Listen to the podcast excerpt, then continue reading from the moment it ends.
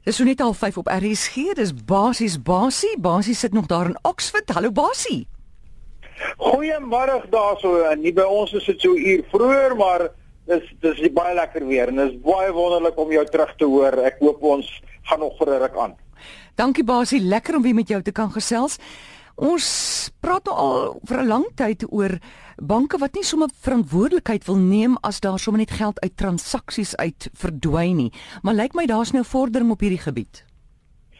Ons moet onthou dat ons verlede jaar het ek altyd gesê konstant dat as iemand geld uit jou bankrekening uitvat onregmatig en in 'n sy rekening oorplaas dan is daai ou eintlik wat my betref 'n dief. Hy's hy's hy's in besit van gesteelde geld wanneer hy die geld onregmatig bekom.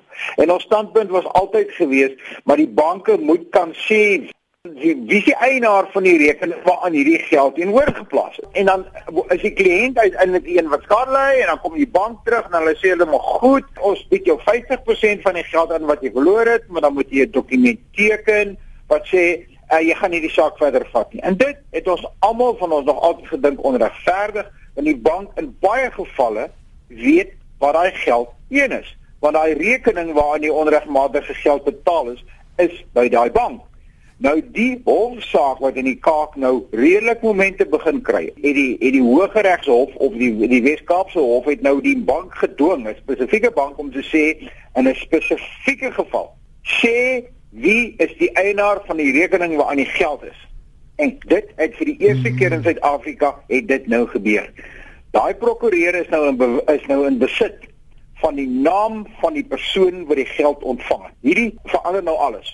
Want nou weet jy wie die ou is wat jou geld ontvang het. Nou kan jy teruggaan en gaan sê maar is hierdie rekening van hierdie ou wat jou geld gesteel het, is hy oopgemaak volgens die wetlike FICA reëls, weet jy wat mm. adres is en so voort en so voort. So hier sien ek, ek het dit lankal gesê, hierdie dink ek is regtig 'n groot deurbraak en die tweede deel van hierdie hofsaak kom nou op die 27ste Augustus ter sprake en dan dink ek gaan gaan ons begin momentum kry. So vir die luisteraars daar buite. As jy in so 'n situasie is, wees baie versigtig, dink mooi voor jy hierdie 50% aanbod aanvaar want ek dink ons is op pad daarheen dat die banke verantwoordelikheid moet aanvaar, gaan moet terugkom en 'n lang saak gaan moet maak hoekom hulle vir jou ten volle wil terugbetaal. En dan iets anders, lyk like my rekenaarspeletjies het nou 'n hoër vlak van verneinigheid bereik. Wat navorsing baie baie duidelik begin bewys is dat aanlyn speletjies, veral aanlyn speletjies wat geweld het, verslawend is. Kinders raak totaal verslaaf daaraan. En die eerste weer eens wat my betref met al voet in die sand steek of hakke in die sand steek het nou toevallig van die Chinese gekom. Die Chinese Tencent maatskappy wat nogal in Suid-Afrika redelik bekend is en baie genoem word, uh, het 'n baie baie gewilde rekenaarspeletjie wat ek dink miljoene, as dit nie miljarde spelers is, wat oor die wêreld wat speel. En die speletjie is baie gewelddadig.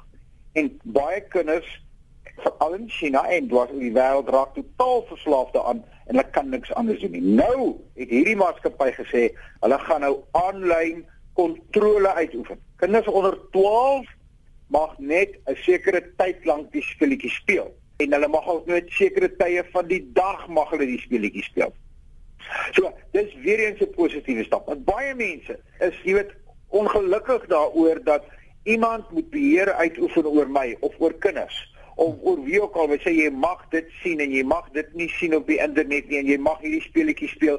Ek dink ons moet meer regulering begin kry.